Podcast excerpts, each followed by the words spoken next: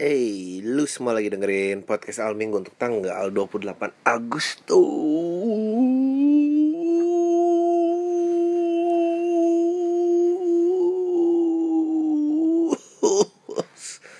2017 Gimana kabarnya semua? Um, gua I'm in such a good mood uh, Karena gua baru pulang dari kota Bangkok um, nonton Foo Fighters je Bangkok Edri apakah lo membang para kok banci-banci? Um, itu yang sering didapat kalau lo ke Bangkok uh, tapi ya jawabannya enggak sih gue gak akan mulai um, beritahu gue ngapain. Ya but it gets creepier now like uh, ada new fame unlock lah gara-gara gue baru mendarat di Bangkok biasa lah terus gue ceroboh paspor gue hilang dita dibalikin ke Lost and Found.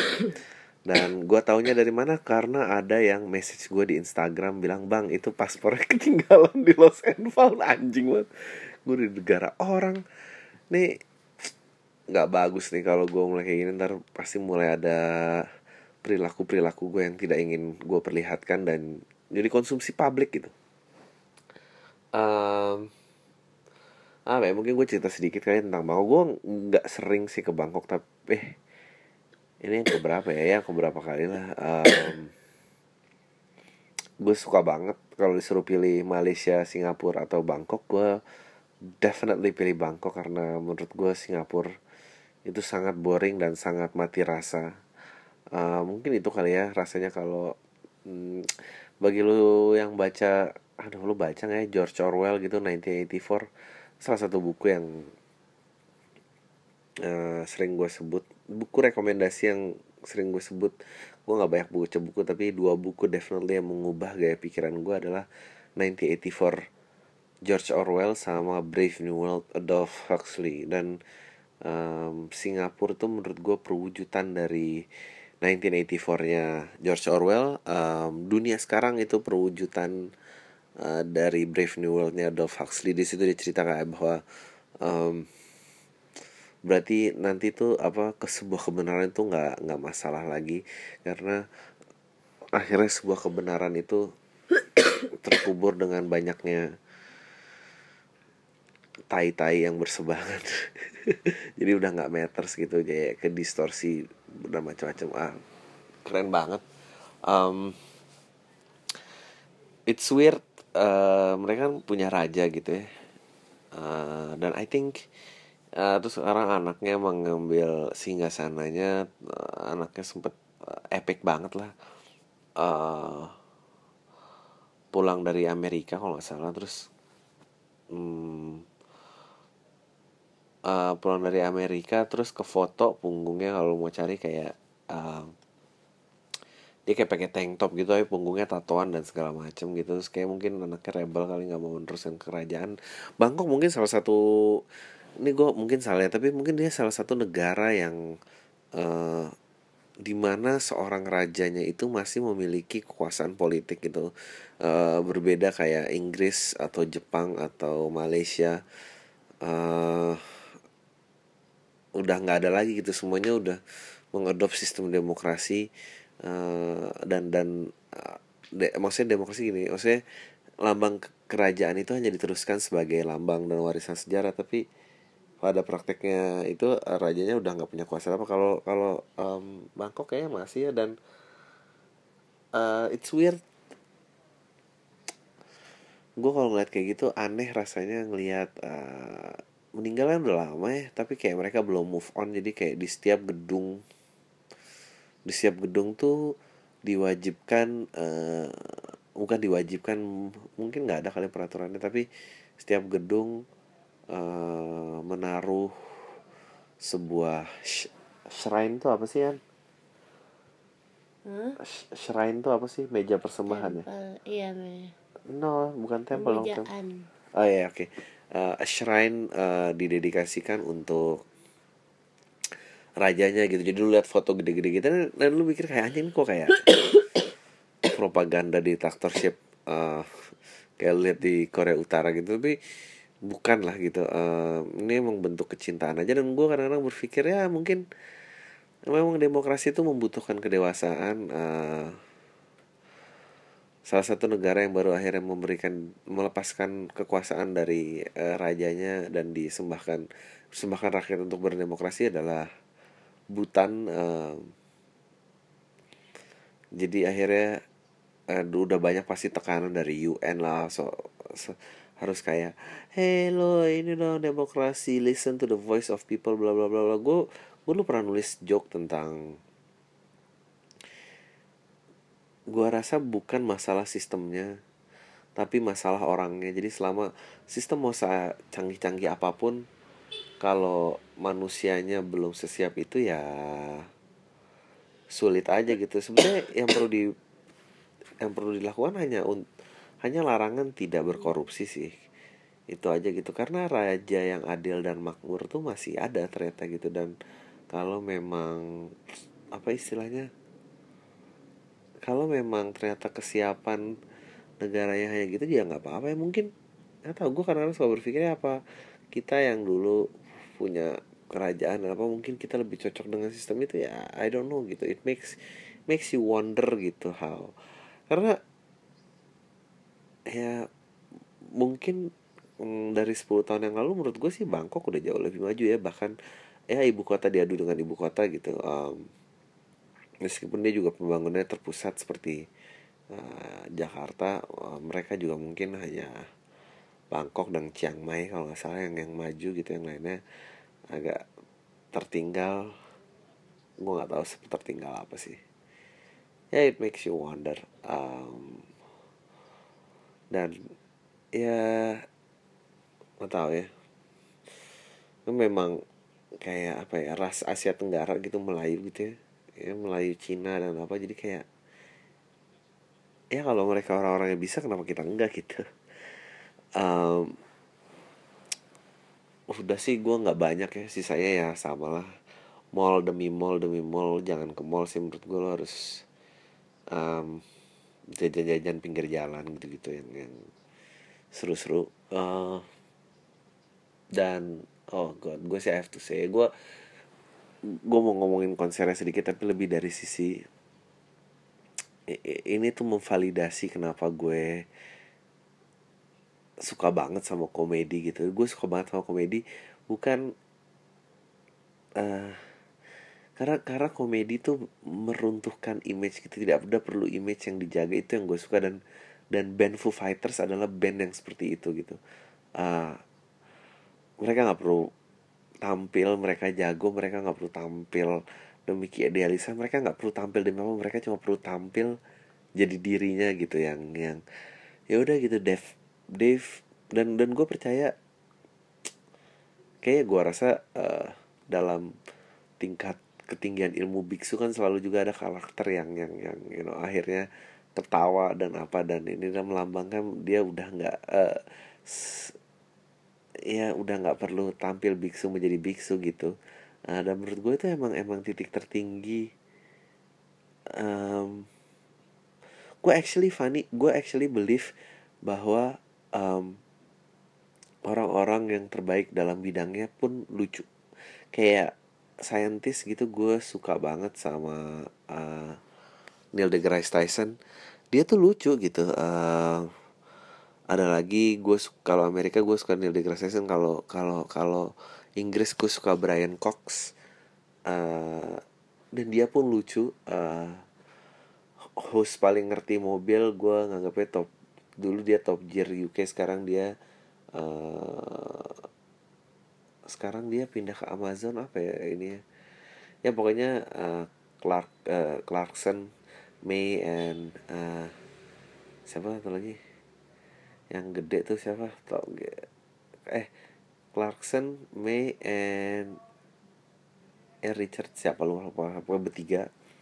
Uh, who else gitu? Band Foo Fighters humoris gitu. Metallica gue nonton terakhir humoris gitu. Kayak kayak udah nggak ada yang aduh gue inget dan interaksi sama penonton itu bagus banget. Dan he somehow like a comedian in a sense of dia tahu bukan komedian sih dia frontman yang baik gitu. Dia tahu cara membawa uh, apa dia mengerti tampil untuk orang lain tapi nggak kehilangan dirinya gitu.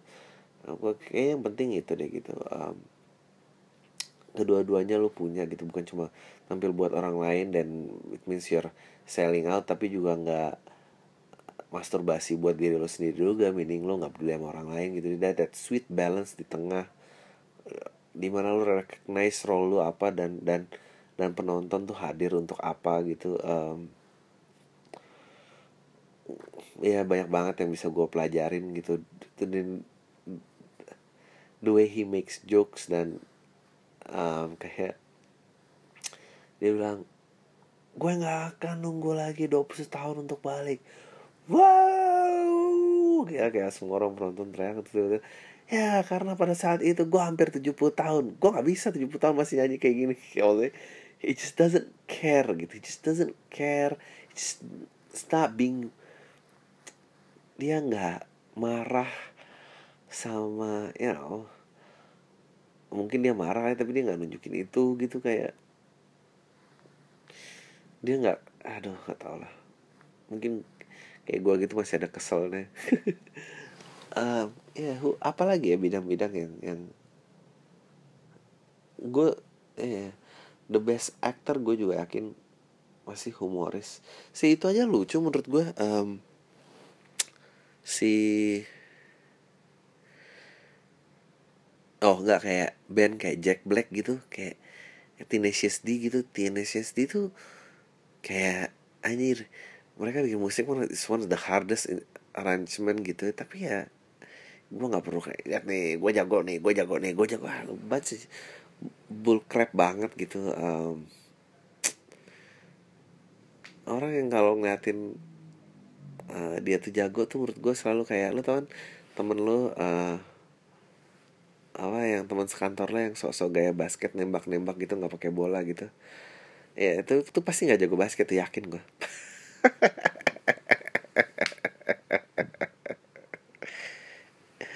uh, apa ya? Iya kayak Delicious dia lucu sih.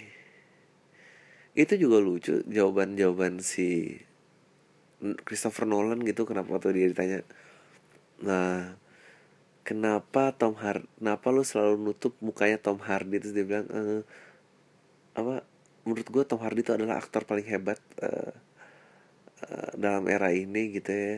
Di Batman gue gue gue lihat acting dia gitu dia bisa acting dengan mata dan jidat doang karena mulut ditutup gitu. Coba kita kita tantang di Dunkirk uh, jidat kita tutup sekarang dia masih bisa acting nggak? Ternyata dia masih bisa acting. Maksudnya jawaban jawabannya tuh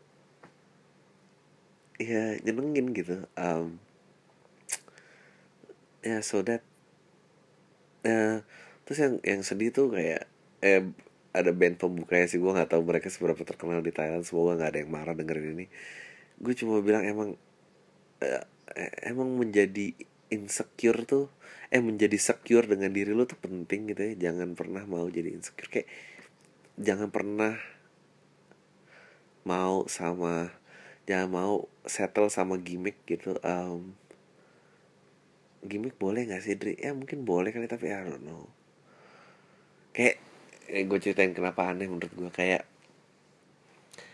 gimmick tuh jadi band pembukanya tuh namanya Ebola ya gue kayak dia ngebuka Foo Fighters gitu kata gue tuh nggak kebayang percakapan di belakang panggungnya tuh apa gitu gitu. Ketemu Foo Fighters dan oh ya namanya apa tadi? Ebola mas. Oh Ebola yang virus itu iya mas virus. Anjing lu kayak apa gitu maksudnya? Anjing aneh banget nama nama fans lo apa ya? Positif ya? Kok positif? Iya positif Ebola.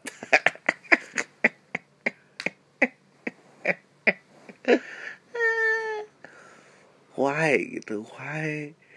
Why kenapa lo mau ngelakuin itu ke diri lo sendiri? Why why would you do that to yourself gitu? Uh, terus habis itu ada bandnya satu lagi namanya apa gue nggak tahu uh, pokoknya pakai gimmick topeng topeng gitu kayak Slipknot gitu um, apa uh, ngeliat Slipknot terus tapi lagu-lagunya tuh kayak J-Rox ketemu nggak J-Rox sih Lark and Shell lah oke okay. Laruku J seperti Laruku ketemu gue dia nyanyi sih musiknya ribet gitu terus pakai topeng-topeng gitu kayak ngapain sih lo pakai topeng? Gitu kayak aduh iya kayak oh ya selain bawa musik bawa apa? Buat topeng. Aduh ya. Lo you don't want that conversation pada saat lo ketemu idola lo gitu maksudnya Duh, janganlah, udahlah gitu maksudnya apa coba kasih aja apa yang lu suka banget gitu and I think that should be enough uh, tahu ya Red Hot Chili Peppers? Lucu orang-orangnya uh, meskipun si Flea masih suka kadang-kadang. Ya gue suka rock.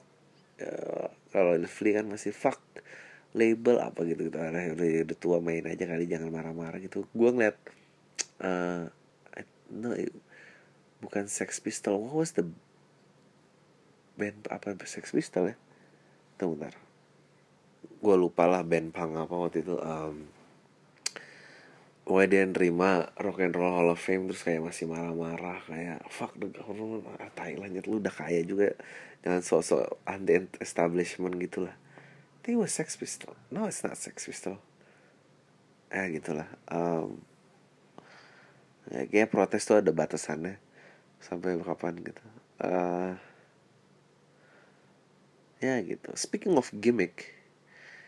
Speaking of gimmick uh, you cannot escape lo nggak bisa kabur dari pertandingan terbesar dalam sejarah tinju yaitu uh, McGregor versus Mayweather. Um,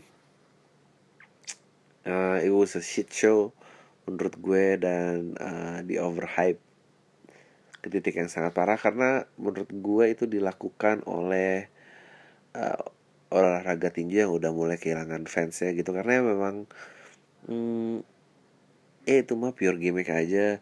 Dari awal sih gue udah kalau gue sih selalu megang eh maksudnya lihat gini yang pasti udah megang Mayweather. Gue gue nggak pernah suka sama Mayweather ah, karena menurut gue uh, he's not aduh nggak tahu ya gue kalau bilang dia bukan the best ya dia pasti definitely one of the best boxer of all time. Tapi apakah dia yang terbaik? Gue merasa sangat disayangkan waktu itu dia mengelak tinju dari Manny sekian tahun gitu sampai akhirnya baru mau tanding sekarang dan dan anti klimaks banget. Tapi hey if I guess if you wanna win and you wanna win maksudnya kalau lo mau menang lo harus menghalalkan dengan sejarah cara. Ya I guess um, you know mengelakkan Manny pada saat dia masih prime gitu ya mesti dia udah bisa tantang. I guess that's what makes you a winner. Gue nggak nggak hating his um, game of boxing. Menurut gue selalu uh, to hit and not getting hit and and Floyd adalah yang terbaik of not getting hit gitu ya. Um, tapi ya memang ya gue jelasin sedikit kenapa tinju tuh gue suka banget tinju gitu dulu gue latihan lima tahun ada kali tinju uh, apa namanya? Nggak lima tahun sih. Gue mungkin ada kali empat tahun kali ada ya empat ya tiga ya empat tahun lah. Uh, apa um, classic classic match uh, kenapa tinju kiraan karisma? Karena terlalu banyak liga dalam sebuah uh, apa dalam cabang olahraga itu sendiri kayak um, ya dia kan ada four major title gitu ya WBA, WBO, WBA, WBO, IBF, WB, WBA, WBO, IBF dan WB apa tau lah. Pokoknya ada empat. Uh, um, dan itu semua dengan klasifikasi berat yang berbeda-beda. Semua dengan um, uh, atlet yang berbeda-beda. Uh, makanya I think you are called undisputed itu pada saat lo mau menjuarai dua atau lebih uh, perbedaan liga itu gitu. Dan nah, makanya mungkin Tyson adalah uh, undisputed champion terakhir um, WBA WBO ah tunggu ntar gue search dulu lah. WBF sorry. WBA WBO WBF IBF um, ya. Yeah. uh, pokoknya ya gitu terus. Beda-beda uh, klasemen beratnya beda-beda tipis. Gue juga nggak hafal ada berapa kelas gitu uh, kelas pembagiannya beda-beda terus ya udah ya gitu um, udah hilang pamor MMA hanya ada satu. Um,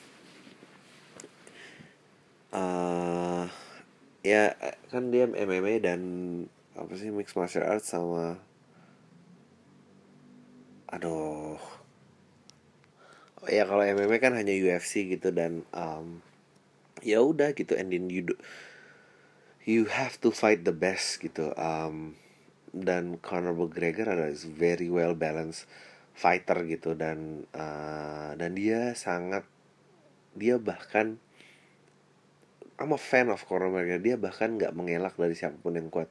Kalau dia butuh naik berat untuk menghajar yang kuat dia naik berat. Dia turun dia mau naik turun maksudnya turun dia nggak ada dia nggak sit duck gitu. Nah jadi uh, kalau di boxing tuh akhirnya yang terjadi adalah uh, orang-orang tuh ya udah gue stick di liganya aja.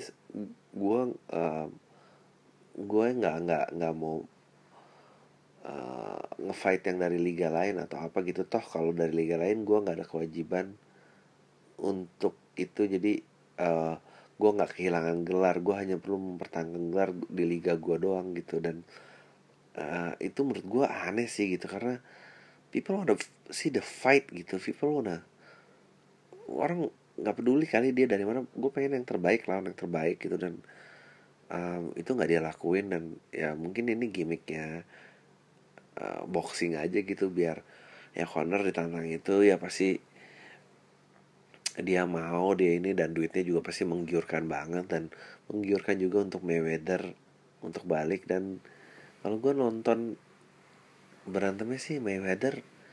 Nih ada ada dua ad, menurut gue dua faktornya. Satu menurut gue Mayweather sama sekali tidak serius.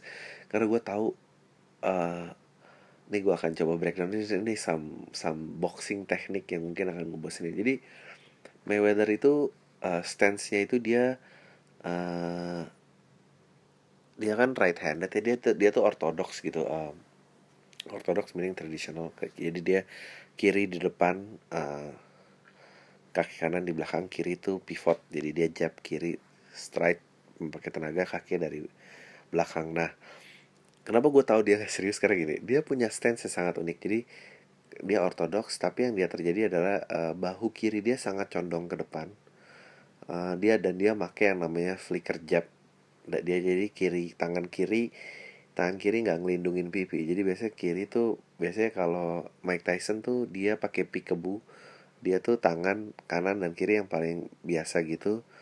Kaki kiri di depan kanan di belakang kaki eh, tangan dua-duanya nempel di pipi. Tradisional depan cover badan. Jadi uh, kayak gitu gitu dan dia gayanya nyeruduk kan dia nyerdang nyerang. Nah itu sangat basic ke tangan kenapa tangan harus di atas? Karena biar pala lo nggak kena pukul. Nah Mayweather dia ngelempar jabnya dia tuh gayanya flicker dia uh, dia pelintir dari bawah jadi tangan kiri nggak di atas pipi dia kiri ngegantung di bawah perut. Jadi dia lempar dari bawah gitu seret kayak kayak kayak cambuk gitu ngelecut nah gitu. Nah tapi dia pakai cross cross blocking gitu meaning tangan kanan itu ngeblok bagian kiri. Nah bak karena bahunya condong di depan dia miring gitu.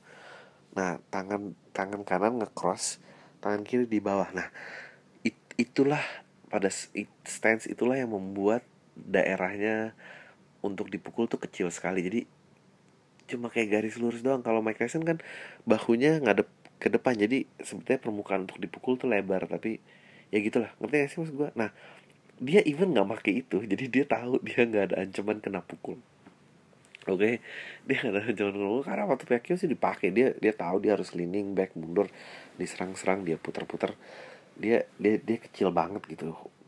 Uh, nah dia dia dia nggak pakai itu sama sekali.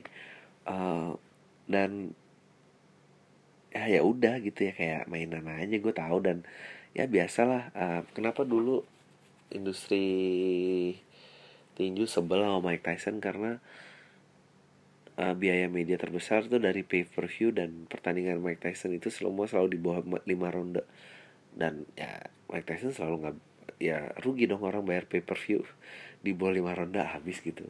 Uh, Mayweather ya pasti nyenengin penonton dia tahu dia tahu caranya nggak kena pukul uh, karena Tyson itu gampang kena pukul ya jadi dia dia nggak mau dan stamina nggak bagus. Dia nggak mau pertandingan tuh jalan lama-lama. Nah Mayweather tuh nggak gitu maksudnya ya dia tahu dia slick banget badan dia footwork yang sangat baik pergerakan upper body yang sangat baik dengan stance yang sulit dipukul ya dia nggak dia bisa lah main-main sampai rondenya lama gitu kan. Um, yang membuat Conor McGregor kalah ya inexperience gitu. Inexperience dalam dua hal menurut gue kalau stamina menurut gue dia, dia cukup punya stamina. Tapi yang dia nggak tahu paling parah adalah menurut gue dia nggak biasa kena pukul. Dan itu uh, ya dia petarung UFC gitu. UFC ya uh, kebaik dia mereka semua tahu dari semua teknik. Kalau semua pertarung semua gaya diperbolehkan pertarungan paling efektif itu adalah di bawah. Jadi uh, you hardly get any punch. And then if kalau lu kena pukul um, lu kena pukul yang langsung berasa gitu impactnya karena sarung tangannya beda sama tinju. Nah kalau tinju tuh kadang pukulan nggak berasa tapi otak tuh goyang. Nah dia nggak berasa dia nggak biasa kena pukul kecil yang nggak damaging tapi tapi eh bukan nggak deh maksudnya pukulan yang nggak keras impactnya tapi damaging. Nah dia nggak biasa sama kayak gitu. Menurut gue ya dipukul-pukul gitu ya pusing lah dia nggak ngerti gitu. Dan dia nggak inexperience banget gitu. Dia nggak tahu cara ngebongkar blok um, gue sih lagi suka ngikutin si petinju tuh. Sebetulnya mereka pengen di sparring tapi bedanya 10 kilo kan mereka tarungnya di 70 kilo kan kalau misalnya 68 sampai 70 kalau salah. Nah, padahal tingginya sama tapi dia mainnya di 60 kilo si Vasil Lomachenko gitu. Dia wah itu itu baru petinju tuh. Uh, dia master of not getting hit eh apa apa uh, throw hit and not getting hit gitu apa sih? Ya, pokoknya gitu loh. Mukul dan tidak kena pukul lah. Hit without getting hit itu adalah tinju. Nah dan dia memaster dia dia menguasai dua-duanya itu sih gitu kayak um, uh, dia tahu cara bongkar blok dia. Dia kalau orang nutup jadi kayak tadi paling blok-blok standar banget sih even Floyd aja nggak pakai cross arm block kayak dia gitu. Dia cuma pakai blok yang biasa yang ditempel di pipi dan dia nggak tahu cara bongkar itu gitu. Itu bisa dibongkar dari bawah bisa lu tarik dari atas lu pukul. Dia ke corner nggak familiar gitu dan dia nggak biasa kena pukul pusing. Tapi apakah corner berpotensi jadi petinju yang baik? Menurut gue iya banget. Uh, gue lihat karena dia balance banget ya. Dia tuh tertib banget fundamentally pivotingnya tuh bagus gitu um, gue memperhatikan dia berapa kali uh, dia kan southpaw ya dia kidal jadi tangan kanan yang ngejab uh, tapi dia balance tuh dia dia suka dia suka nggak tahu sadar apa gue nggak tahu sih dia tuh karena nggak tertib stance-nya apa emang dia balance tapi gue, my my gut feeling dia itu balance jadi dia bisa tukar pivot jadi dia bisa southpaw kanan di depan dia tiba-tiba muter kirinya di depan. Nah itu orang yang bisa tumpuannya bertukar tuh sangat bagus sebetulnya uh, untuk merusak uh, pembacaan jarak orang gitu. Jadi kalau lo uh, kalau lo tarung gitu ya uh, ortodoks itu kaki kiri depan lawan lu kaki kiri depan. Jadi kan lu masuk ke daerah masing-masing. Nah tapi kalau lu kidal kan lu kaki pivot ketemu kaki pivot jadi jauh kan.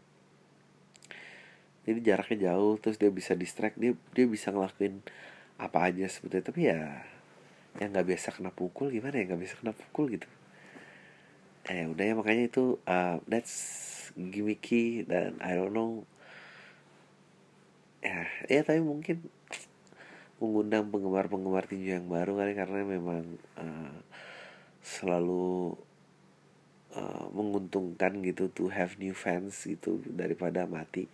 Karena memang kualitas gue setuju kualitas tuh emang kualitas apa istilahnya eh, daya mengerti penonton itu nomor dua yang penting suka dulu pertama ya sisanya kalau udah suka kan bisa kenal lebih dalam tapi kalau nggak suka mau gimana mau kenal lebih dalam ya nggak sih? Sama aja sama kayak itu terjadilah di semua hal gitu uh, sutradara jadi rame lagi karena orang suka vlogging gitu ya kira-kira kayak gitu. Uh, yeah but that's that. Uh, yeah I hope oh that's ini udah setengah jam. Let's do the questions.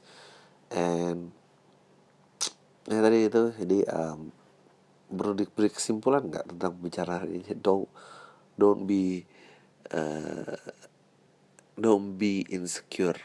Sih gitu. Kedua jangan menyerah.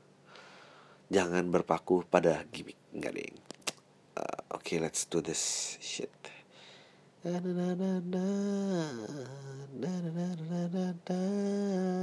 Oh, Abelo.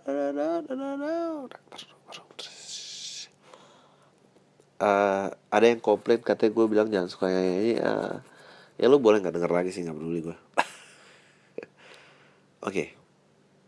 uh, ada film tinju yang bagus gak sekalian bahas di Pam Weather udah gue bahas Pam Weather versus McGregor uh, film tentang tinju yang bagus. Menurut gue si itu bagus tuh um, bukan Rocky ya yang Rocky jadi uh, jadi pelatih. Di situ jadi pelatih. Yang main tuh aktornya Michael Jordan kalau nggak salah namanya. Berisik. Eh orang lagi podcast. Um, Creed I think it's Creed namanya. Uh, kalau dokumenter gue tadi baru nonton Counter Punch itu di situ lebih diceritain tentang industri tinju dan kenapa udah nggak asik lagi. Itu bagus. Uh, kalau lo mau dengar ceritanya Mike Tyson Mike Tyson ada kayak monolog stand up gitu cerita tentang karirnya dia. It's also fun to watch. Uh, sisanya apa ya? Uh, beautiful boxer bagus was it Cinderella Man Cinderella Man Russell Crowe? Pokoknya ada deh gue lupa namanya. Oke. Gue gak pernah google istri bang tapi entah kenapa suara lo mirip Nicole dari youtuber bla bla bla bla bla. Gue gak ngerti sih kenapa harus dijawab di podcast. Ya oke okay lah. Bang, ya udah menurut lo worth gak sih dengerin K-pop berdasarkan produk value-nya? Meskipun pendengar nggak paham bahasanya mungkin juga berlaku ke musik-musik negara lain juga sih. Ya menurut gue sih uh, musik adalah musik ya. Musik adalah musik um, um, apa namanya? Gue dulu juga denger musik Jepang apakah gue nyaman? Eh, apakah gue ngerti? Ya nggak ngerti lah. Uh, oke okay, that's that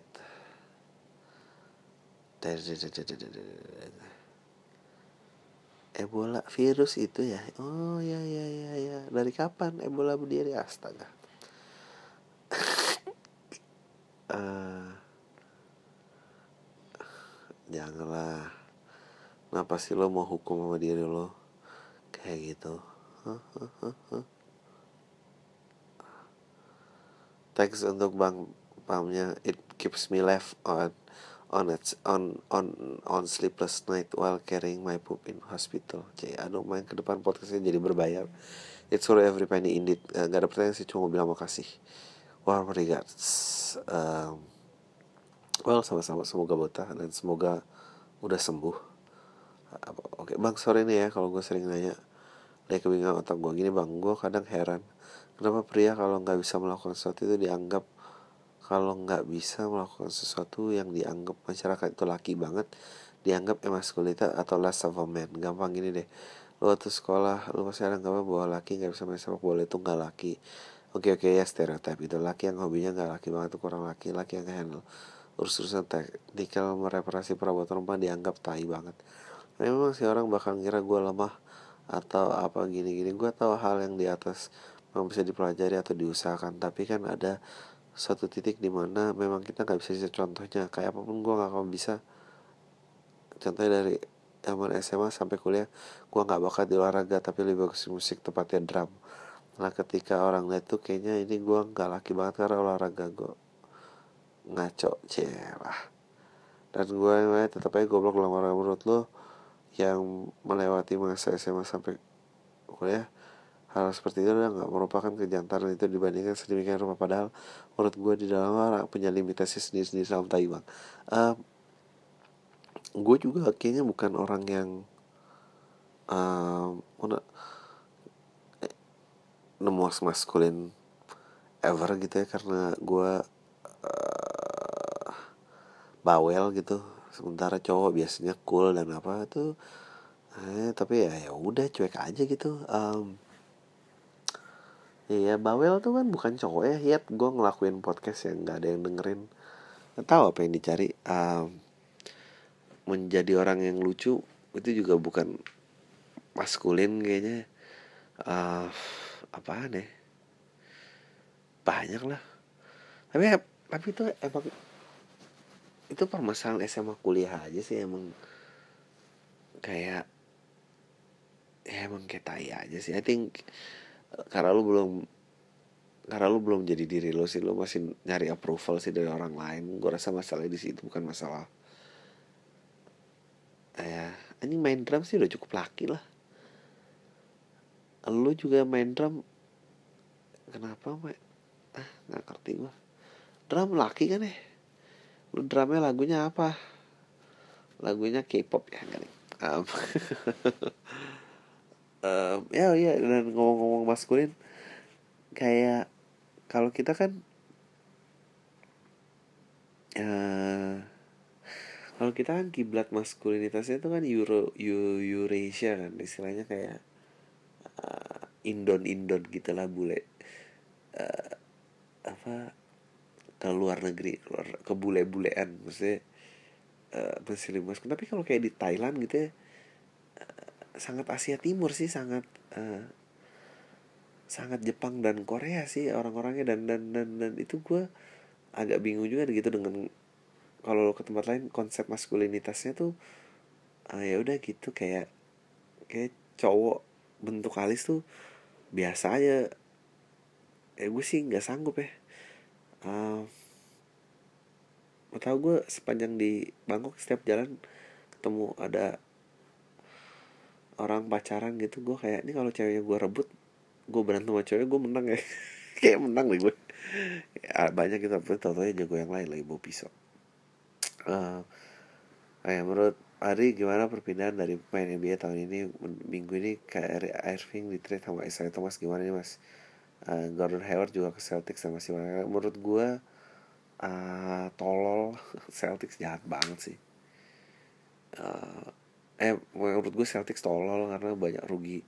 Rugi lah kayak Kyrie ditukar sama beberapa pemain terus kayak sekarang karena ternyata pinggangnya saya Thomas itu cedera jadi kayak harus tambahin lagi value nya biar beri. Aduh lupain sih menurut gue lo udah bener kok.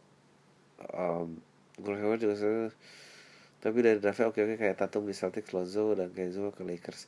Persaingan NBA gimana mas? LeBron sih bakal ke Lakers kayaknya dua tahun tahun depan atau dua tahun lagi ha. Enggak lah LeBron, gue nggak ngerti sih kalau LeBron ke Lakers tuh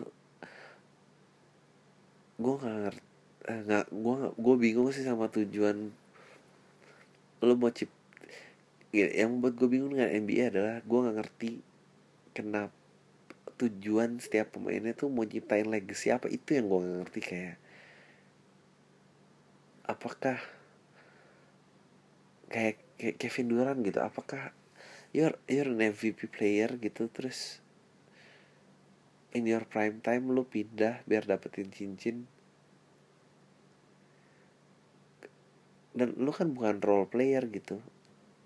Beda kayak Robert Horry gitu. Robert Horry kan di trade dia nggak pernah pilih pindah dan apa gitu. Dia tuh tuh tujuh tapi kayak eh gue sih masih punya respect sama sama kayak T-Mac gitu um, juara yang nggak pernah juara gitu. Gue pengen banget waktu dia juara terakhir season terakhir sama Spurs itu juga udah terakhir terakhir udah cedera udah udah bukan pemain yang dulu lah. Um, ya untuk ngelakuin itu dan waktu LeBron oke okay lah gitu maksudnya. Waktu LeBron pindah ke Miami dia pengen belajar dari tim. Gue setuju maksudnya oh, kalau dia nggak pindah waktu itu gue cuma bete cara dia pindah. Sisanya kalau dia pengen pindah pengen belajar untuk jadi tim yang gimana what it, what it takes to win a championship ya udah dia udah pelajaran itu dia bawa pulang ke Cavaliers terus kalau dua tahun lagi dia pindah just they can't he can't beat uh, Golden State. Ya apa gitu maksudnya? Larry Bird juga juaranya cuma tiga banyakan kalah di final emang LeBron jelek banget sih. Kayak delapan kali final cuma tiga kali juara Kobe juga gak gitu-gitu banget gitu. Um, ya gitu sih. Uh, uh, salam tay dan salam mending cari teman baru. Iya legacy itu sih dengan uh, tapi memang Celtic sejak tahun ya dua, juara 2008 tuh emang udah beda mindsetnya dia akan tukar pemain sekarang tuh kayak ada sistem tukar pemain sebelum value kontraknya habis gitu kayak ya Paul George daripada setahun lagi di Pacers nggak jadi apa mendingan gue lempar aja lah ke mana biar jadi ini gitu. Uh, yang pasti emang West tuh penuh banget sih kalau is itu loh yang lowong iya sisanya siapa yang bisa? Even Kyrie hilang pun gue yakin well Kyrie dua tahun yang lalu cedera. Eh berapa tuh yang sebelum dia ketemu Golden State di final dan Golden State juara untuk pertama kali itu kan um, Kyrie nggak ada apa maksudnya masih sampai final gitu. Uh, ya kalau di isi nggak banyak ya. West emang padat sih maksudnya ada Spurs ada OKC ada apa apa ya Paul George OKC oh itu kan Indiana uh, iya West padat banget gitu. Who else? Lakers belum lah dua tahun lagi. Uh, ya kita lihat aja gitu. Ah tau ah. bang santai mau tanya dong kriteria jadi orang liberal itu apa sih? Yang gue maksud itu liberal yang dimusuhin sama gerakan kiri ya yang biasanya cuma banyak ngomong doang konteksnya bukan karena yang konservatif. Kiri itu liberal. Makasih. Ah mau kayak orang jadi orang liberal itu apa sih? Yang gue maksudnya liberal liberal yang dimusuhin sama gerakan kiri ya yang biasanya coba yang ngomong konteksnya kanan itu konservatif. Kiri itu liberal. Um, ya kon ya yang banyak menyebarkan paham-paham keliberalan aja maksudnya gue sih? Biar nggak dimarah orang itu orang-orang netizen tuh liberal semuanya sih? Gue malah memusuhi orang-orang itu. Um, ya gue uh, memang konservatif tuh banyak yang harus ditinggalkan tapi orang-orang yang udah merasa lebih liberal dan ngomongin bahwa yang lain tuh ketertinggalan menurut gue nggak punya empati sih. Ini nggak menjawab pertanyaan lu tapi kalau lu tanya ya itu lu contoh aja di netizen banyak tuh yang liberal kan yang kayak semua hak harus diperjuangkan ham ada ada maksudnya nggak tahu ya. Gue gue atau perdebatannya menurut gue bukan masalah kiri kanan sih menurut gue masalah SDM itu udah siap apa enggak itu sama aja kayak sama aja kayak Thailand tadi gitu. Lo mau ke Thailand bilang bahwa demokrasi dong ngapain sih masih sayang sama raja kayak gitu? Mesti kalau raja nggak pernah korupsi terus lo mau marahin gitu? Sekarang juga demokrasi kalau korupsi semua juga apa gunanya sih gitu? Maksudnya so meaning the system is not corruption proof kan gitu? Maksudnya gimana sih? Ya gitulah. Bukan kiri sama kanan sih menurut gue masalah lo mau majunya gimana gitu aduh. Oke. Okay. uh, gue mau nanya bang. Jadi uh, neneknya teman deket gue meninggal terus dia ngabarin gue karena mungkin gue kenal sama neneknya dan sering main ke rumahnya. Nah gue bilang sama pasangan gue gue mau ngelayat yang gue kaget tuh pas gue bilang sama pasangan gue mau ngelayat terus pasangan gue bilang ya kali neneknya doang kamu ngelayat gue langsung mikir sih. Ternyata kalau berbuat baik tuh dipertanyakan juga ya. Gue kesel sih dengar menurut lo apa yang harus gue lakuin oh ya bang. Oh, LPK bang. Bandung awal tengah atau akhir September? Gue nyisihin duit soalnya makasih bang. Sukses terus. Akhir. Bahkan mungkin awal Oktober karena nggak dapet tempat. Tapi gue usahain. Eh, kayaknya kalau awal pun nggak sampai pertengahan Oktober sih. Awal kok. Kalau nggak akhir September awal. Minggu akhir atau minggu pertama kayaknya itu deh. Uh, yang harus lakuin adalah uh, ya cewek lu nyebelin sih menurut gue kalau itu teman deket lu urusannya dia apa sekarang kalau dia punya teman dekat kan pasti lu juga pengen punya cewek yang punya empati sama temennya ya gak sih? Ah tau lah. Bang, bridal shower dong sekarang impersonate cewek-cewek dua satuan yang lagi bridal shower. Eh, kita mau baca leretan di mana nih? Mau ngapain aja. Aku sih belum tahu mau ngapain sama hidup aku tapi aku udah tahu aku cinta siapa. Aduh kamu tuh pasti bahagia banget deh kawin muda hari uh, dan kayaknya juga ibunya baik pasti bahagia deh. Ya soalnya aku tuh kan gak tahu ya emang pengen nikah atau cuma pengen keluar rumah. Tak ya. Uh, salam sejahtera buat bang Adri yang kayaknya makin hari makin terwujud dapet titik ketenaran tai Makanya nih bang, lo kesel gak sih sama orang yang apa-apa diviralin dan apa-apa heboh? Seakan mendiri paling benar. Kayak dicorek dikit langsung cool tweet share lah Video ini sebar-sebar foto pelaku posting 8 paragraf. Itu juga masih syombor dan sebagainya. Dalam case hal yang sepele yang gak kompleks. Menghajar orang yang gak kenal untuk maki-maki itu bukan pembunuhan karakter di masa depan. Iya betul, juga Hey, ini nih, orang-orang liberal tadi nih. Nah, Ruang gerak orang yang tersebut diomongin jadi sempit lebih tayang gak sih maksud untuk efek jerak kan ada hukum apabila masalah berat dan lagi itu malah membuat seorang hopeless ke depan untuk menjadi lebih baik. Gue kasihan aja loh sama pihak uh, keluarga dan lingkungan sekitar yang diomongin misalnya istri suami anak dan lain-lain. Bahkan orang yang membela kaum tertindas semacam itu di zaman sekarang harus mikir dua kali karena takut dibully juga. Kayak gue sekarang ini lebih milih ngadu ke lu dibanding jadi pembela kebenaran. Ya. Um, eh seperti jok yang gue pernah bilang uh, uh, emang lo harus bisa ngomongin ke orang-orang sepaham dan lo harus rela ngomongin orang karena Indonesia merdeka juga caranya gitu kan. Ada yang bilang masih pertama kali Belanda kayak tai uh. eh siapa lagi yang mikir Belanda tai coba kita kumpul dulu jangan disebar-sebar. Itu dulu baru melakukan pergerakan. Harus tersembunyi dan laten selalu sehat. Bang kalau kita bikin suatu karya yang hasilnya kita nggak bangga itu berarti yang salah sama kita kerja ada yang salah sama kita kerja. Tapi saya lagi di fase itu cuma cukup untuk bayar tagihan makan. Nah menurut abang gimana cara dingin dengan perasaan sedih kesel dan marah-marah saya alami ini? Karena saya desain grafis. Makin ke sini kesenangan desain itu selalu punya sedikit mulai hilang gara-gara sih. Apakah ini tanda bukti untuk resign dan kasih. Terus mengudara pamer enggak lah menurut gue makmur dulu baru beradab.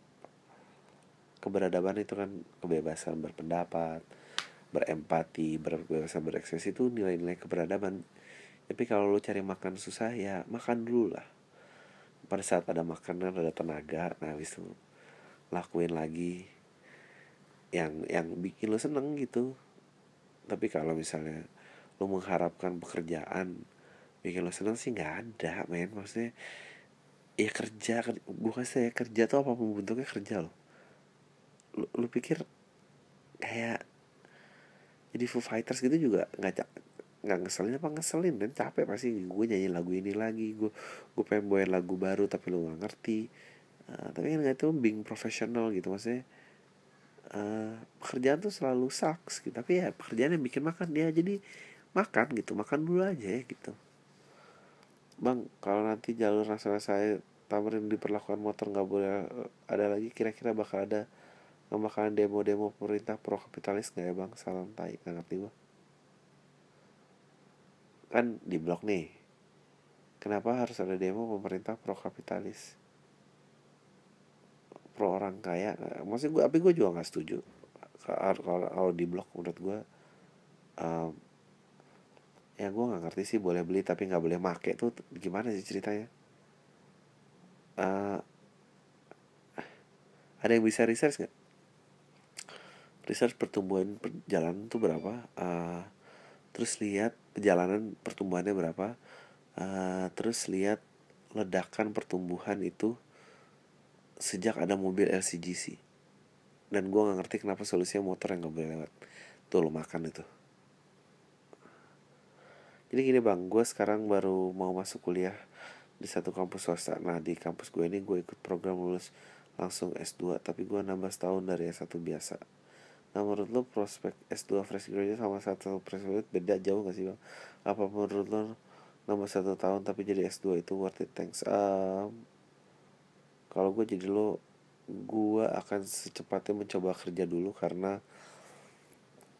uh, karena orang berubah uh, kehidupan nyata memberikan perspektif lain lagi uh, dan lo belum tentu uh, lu belum tentu adalah orang yang lo pikir ya lu lu belum tentu orang yang lo pikir uh, gue ngalamin itu gue dulu cinta banget sama advertising tapi ya ternyata gue nggak secinta itu gitu dan um,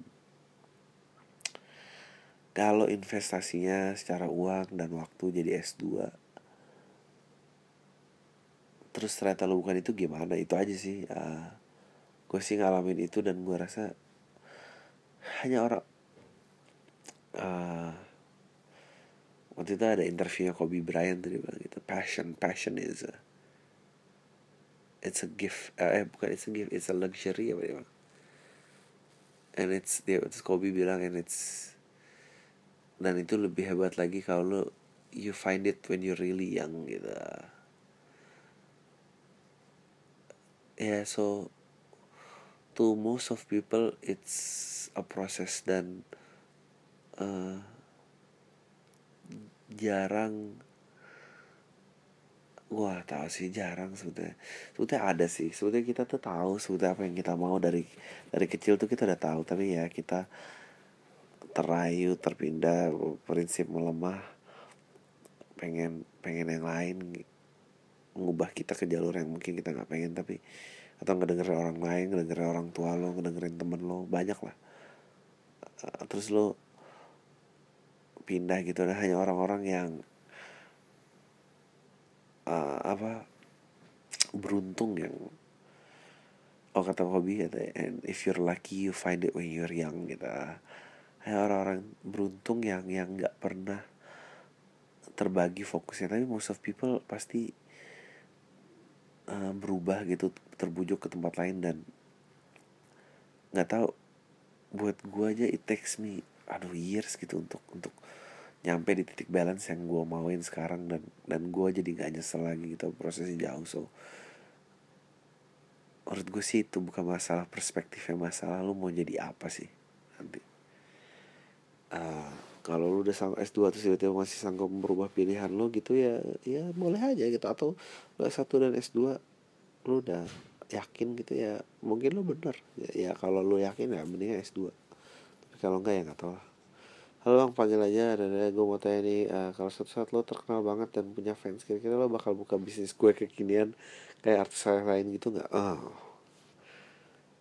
Uh, kayaknya iya deh uh, Dan kalau dapat suatu saat ada produser yang mengangkat kehidupan pribadi lo Jadi acara TV macam Keeping Up With The Kardashian Lo mau gak? Thank you. Tergantung. Menurut gue Seberapa parah gue butuh sama duit. Maksudnya kalau gue butuh duit banget ya gue bikin lah usaha dan segala macam um,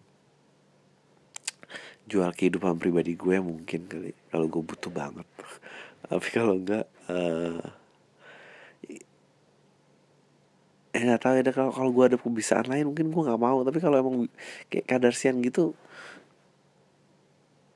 mau, mau ngapain gitu? Maksudnya apa ada yang ngasih kesempatan acting gitu atau atau featuring di video klip? Nggak ada juga kan jadi kayak ya udah ya gitu gitu. Ya gitu lah semoga makanya hidup yang diperluin tuh pilihan sebetulnya. Uh,